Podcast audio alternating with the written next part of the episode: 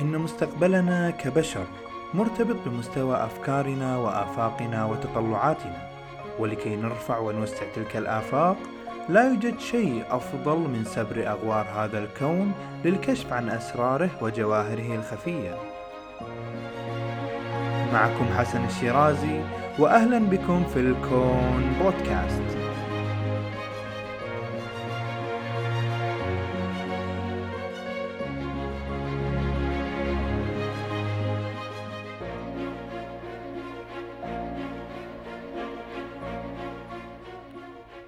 السلام عليكم. عندما يسألك أحد عن كوكب زحل فإن أول ما يتبادر إلى الذهن مباشرة تلك الحلقات الجميلة التي تحيط فيه فهي تميزه من بين جميع كواكب المجموعة الشمسية بهيئتها المائلة ودورانها المستمر حول الكوكب. وقد سبق وشرحنا في الحلقة الماضية أغلب تفاصيل هذه الحلقات وصفات الكوكب. ولكن الإبهار في كوكب زحل لا يقتصر عند هذا الحد. فعندما نتفحص الكوكب بعناية ودقة بالتلسكوبات والدراسات نكتشف بأن زحل لديه مجموعة رهيبة من الأقمار تدور من حوله وما بين الحلقات. يصل عددها إلى 62 قمر كل منهم عالم بمفرده. واليوم في هذه الحلقة نستكمل رحلة استكشاف المجموعة الشمسية بالتعرف على أهم هذه العوالم.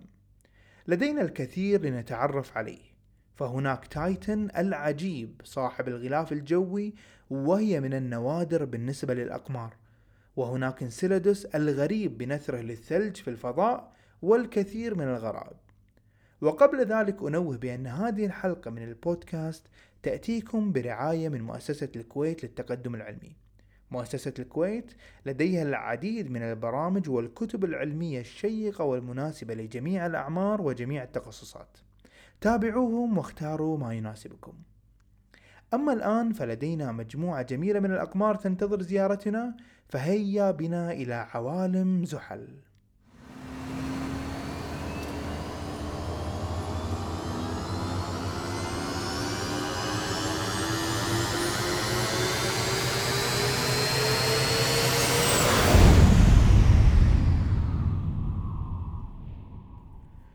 مجموعة الأقمار في كوكب زحل مغايرة تماما عن تلك التي تتبع المشتري. فإذا كان للمشتري أربعة أقمار ضخمة تدور من حوله فإن لكوكب زحل تابع واحد كبير يدور حول الكوكب وهو القمر تايتن.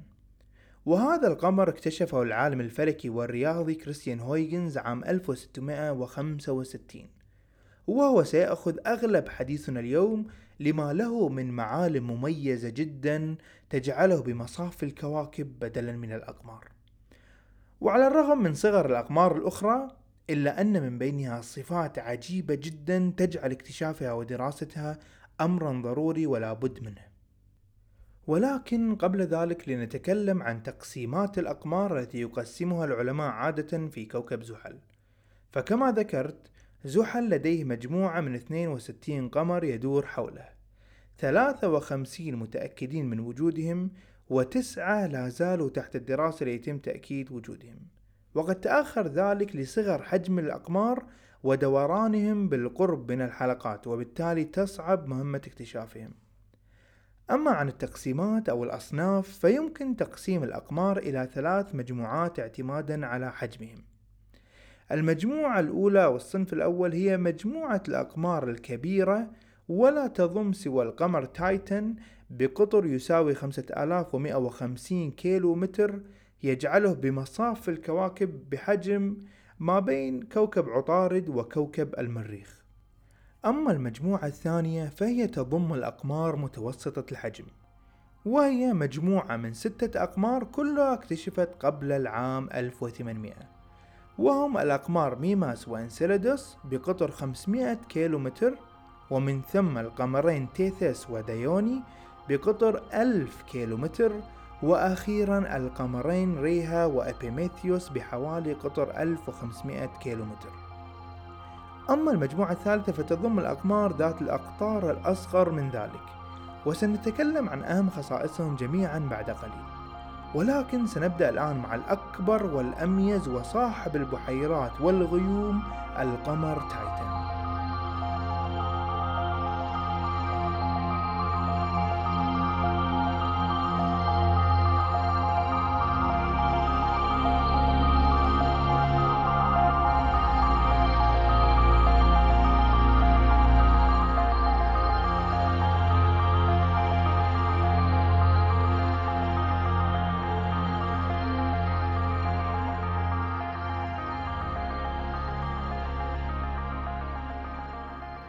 في بداية التسعينيات بدأ علماء الفلك بالشك بأن القمر تايتن يحوي في طبقاته على غلاف جوي وذلك لأن القمر بارد وحجمه كبير بحيث جاذبيته تسمح بأن يمسك بالغازات الثقيلة.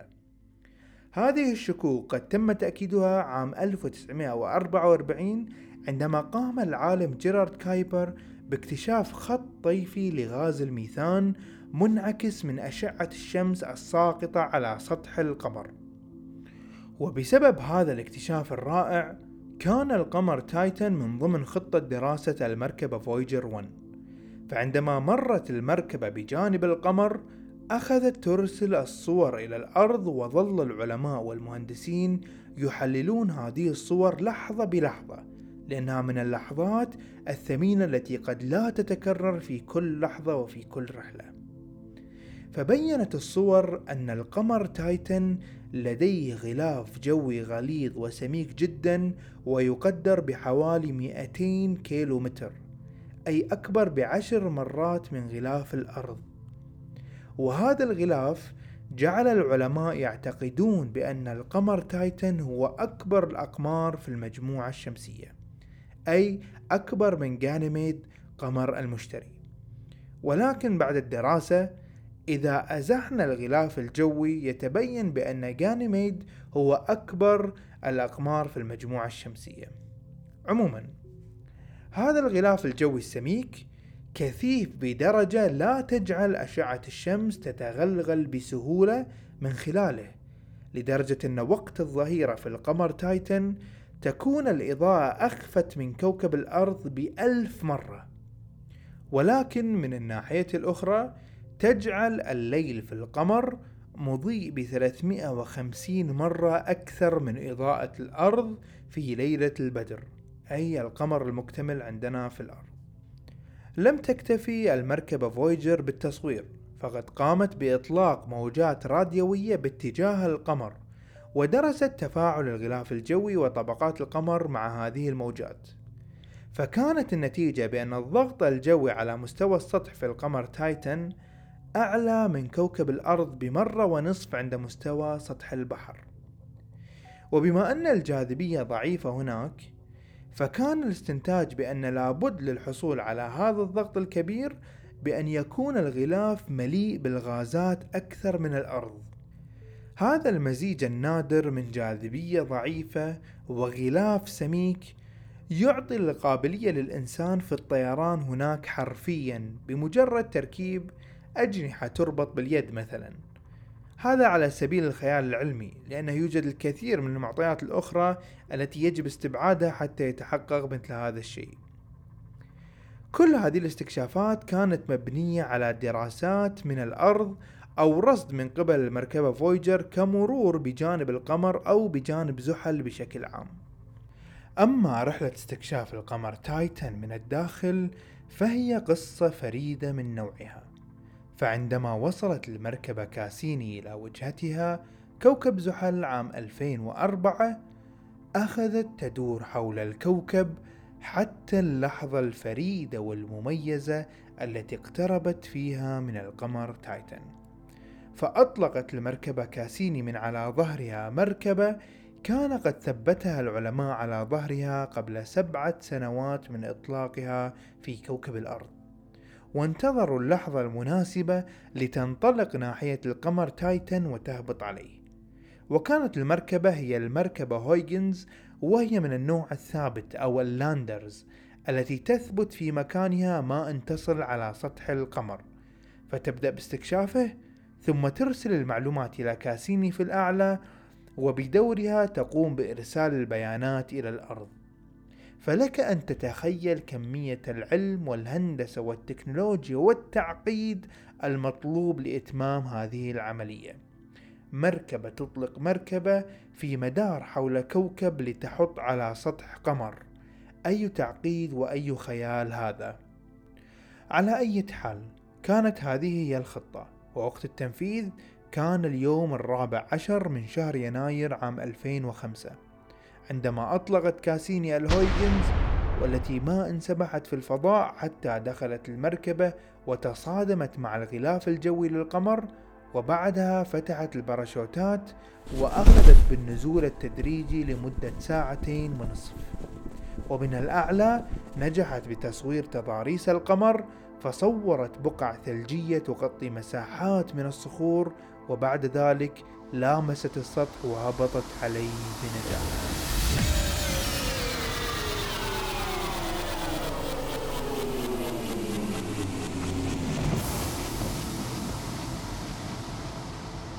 استمرت الهويجنز في عملياتها لمدة 70 دقيقة قبل أن تتعطل البطاريات بسبب البرودة الشديدة جدا على السطح والتي تصل إلى سالب 178 درجة سيليزية.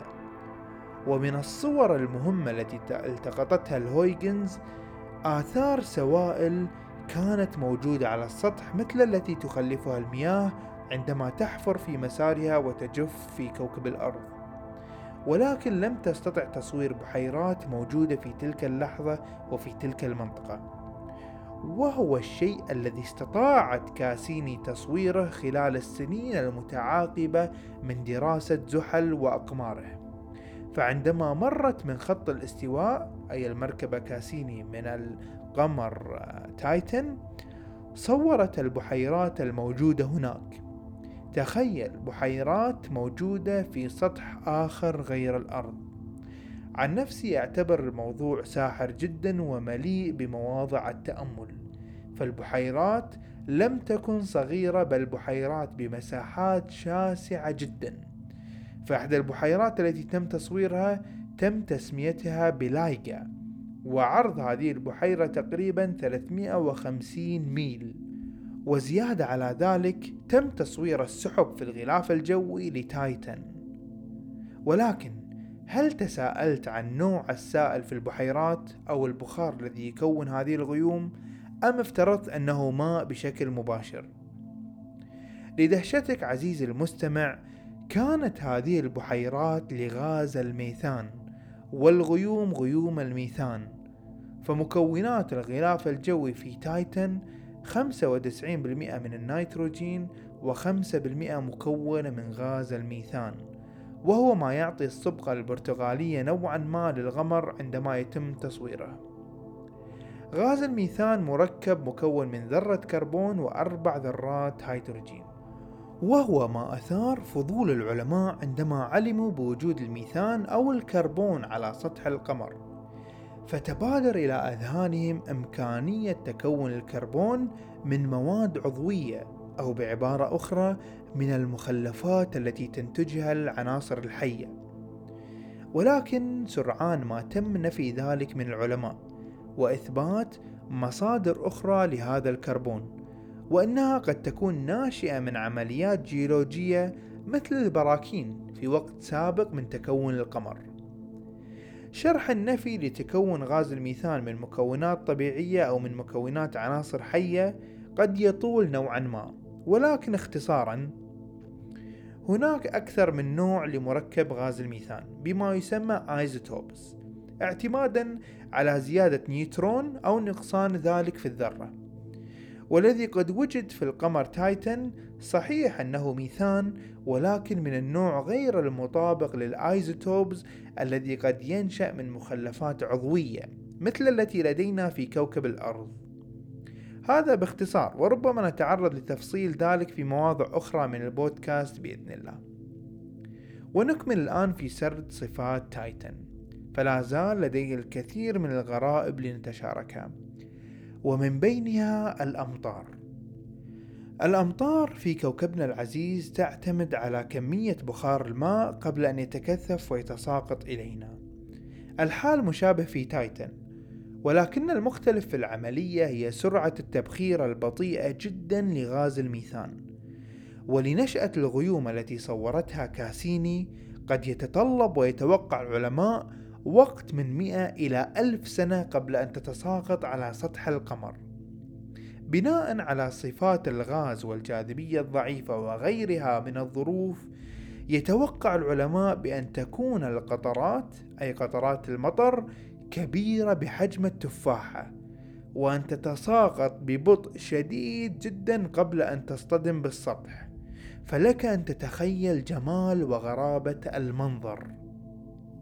وبتخيلك للمنظر الفريد أكون انتهيت من أهم الصفات والغرائب للقمر تايتن باستثناء خاصية أخرى مميزة سأناقشها بعد قليل عندما نحط الرحال لدى أعجوبة زحل الأخرى القمر إنسيلادس.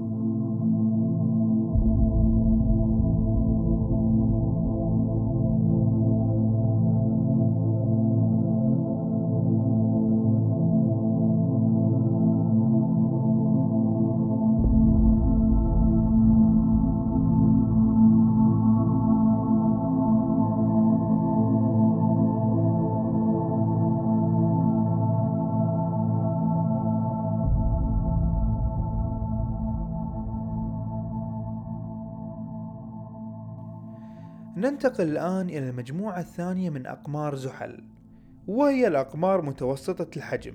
ستة أقمار سنطوف عليهم بأهم الصفات. جميع هذه الأقمار تدور حول كوكب زحل على نفس مستوى خط استواء الكوكب وجميعا يدورون بنفس اتجاه دوران الكوكب. ومن الأشياء المشتركة بينها بالغالب تتكون بشكل رئيسي من ثلج الماء والأمونيا. ونسبة من الصخور والغريب الذي سنفصل فيه هي صفاتهم المختلفة عند الأسطح فكل منهم فريد بطريقة ما. ونبتدئ مع إنسيلادس. هذا القمر رائع جدا جدا جدا ويحتل مرتبة عظيمة عند العلماء لدرجة أن بعض العلماء يرشحون ويتوقعون فيما إذا كان هناك حياة ميكروبية موجودة في مجموعتنا الشمسية لابد وأن تكون موجودة في هذا القمر. أو على الأقل هذا المكان الذي يجب أن نبدأ بالبحث فيه. فهذا الجرم لديه ميزة رهيبة جدا.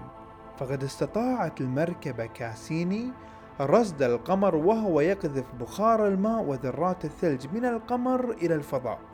في ظاهرة تسمى cryovolcanoes صراحة عجزت أن أجد مرادف لها علمي في اللغة العربية. فإذا كان بين المستمعين أو الجيولوجيين بالأخص علم بالترجمة أتمنى تزويدي بها.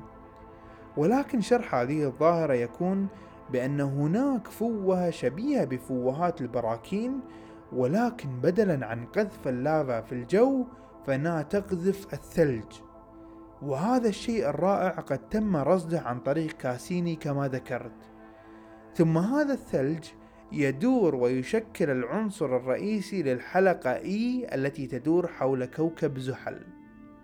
نفس هذه الخاصية موجودة عند القمر تايتن وهي التي أجلت شرحها إلى هنا ولكن الفرق يكمن في أن تايتن تقذف وترتد إلى السطح أما هنا فتقذف الثلوج إلى الفضاء. والأجمل هو تصوير المركبة كاسيني لهذا الحدث وسط ذهول واستغراب تام للعلماء من هذه الصور.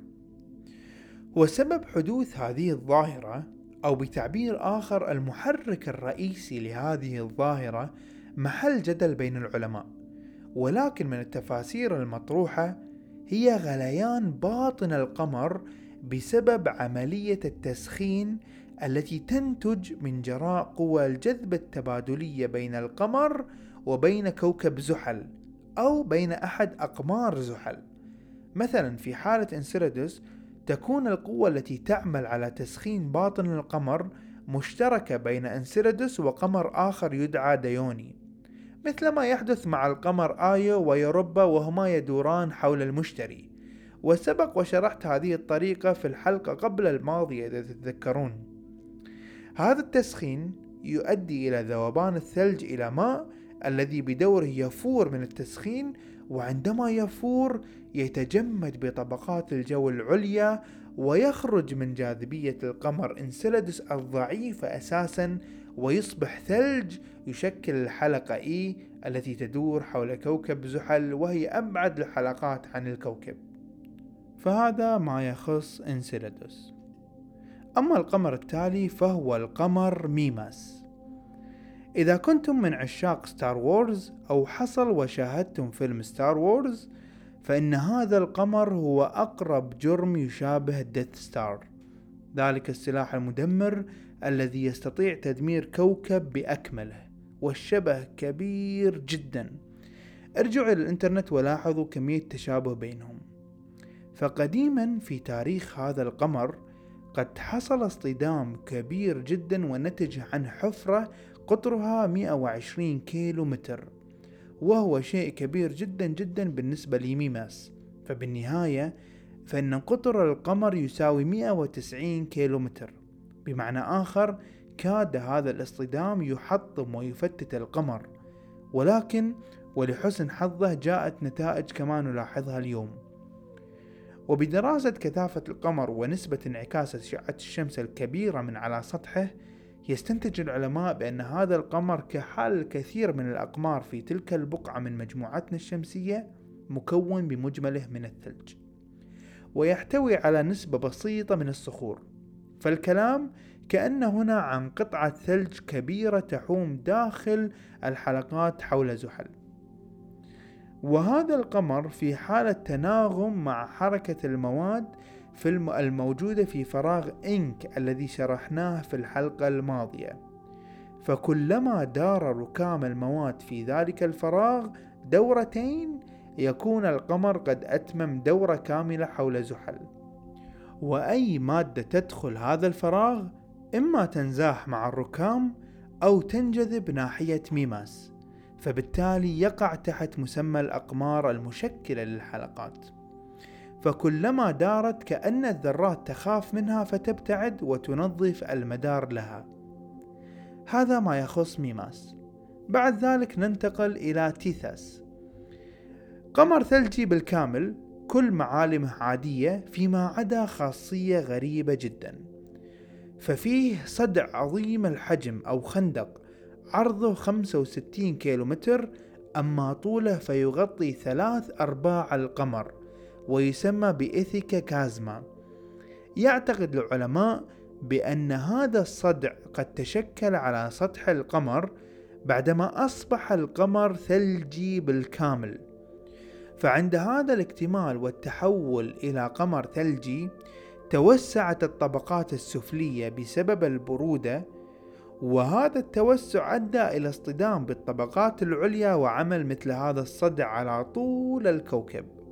ويحتمل أيضا بأن هذا القمر أيضا مشارك بعمليات تشكيل محتوى الحلقات عن طريق الكرايوفولكانيزم لم يتم تصوير المقذوفات الثلجية مثل القمر انسيلادس ولكن هناك بعض الأدلة تشير إلى أنه ربما بعض الاصطدامات التي تحدث فيه من الأجرام الخارجية تنثر هذا الركام من الثلج الذي يتطاير من سطح القمر ويصطف في الفضاء ليكون بعض محتوى الحلقات من مادة ثلجية تدور حول كوكب زحل. بعد ذلك هناك القمرين ريها وديوني وهما أقمار ثلجية بالكامل ولكن عند معاينة أسطحهم نرى صفة غريبة فالجهة التي تستقبل اتجاه دورانها في مدارها حول, حول كوكب زحل مليئة بالحفر الصغيرة والكبيرة وواضح جدا أنها كانت نتيجة اصطدامات بالأجرام التي يستقبلها وهو يدور. أما الجهة الخلفية للقمر فهي مليئة بالتشققات والخطوط وكأن القمر كان فيه نشاط جيولوجي في طبقات تكتونية أدت إلى مثل هذه التشققات. هذا الحال ينطبق على القمرين ريها وديوني. وأخيرا نصل إلى القمر أيابتوس وهو أيضا له صفات محيرة منذ قديم الزمان. فهذا القمر قد رصد في العام 1671 وكانت أغرب صفة لديه السطوع غير العادي والكبير جدا مقارنة بالأقمار الخمسة السابقة من نفس مجموعته. فعندما اقتربت منه المركبة كاسيني لاحظت بأن نصف القمر مظلم غامق كأنه مغطى بطبقة من الإسفلت. أما النصف الآخر فهو شديد الإضاءة وعاكس الأشعة حاله كحال إخوانه التابعين لكوكب زحل. وعند أيابتوس أكون قد ختمت أهم العوالم التي تدور هناك بعيدة عنا مئات الملايين من الكيلومترات. وهناك غير التي ذكرت ولكن بأحجام أصغر مثل أقمار بان ودافنس وبروموثيوس وبندورا وأتلس وبعضهم يتشاركون في المدارات حول زحل. وبذلك ننتهي من أهم عوالم زحل وتكون هي محطة الافتراق عن سيد الخواتم في رحلة استكشاف المجموعة الشمسية. على أن ننطلق ونبحر في فضاء كوننا متجهين في الحلقة القادمة إلى التوأم الأزرق. فحتى ذلك الحين كونوا بخير وإلى اللقاء.